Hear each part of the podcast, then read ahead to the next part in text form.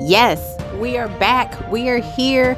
Get ready for season four a Position to Impact podcast. Let's go.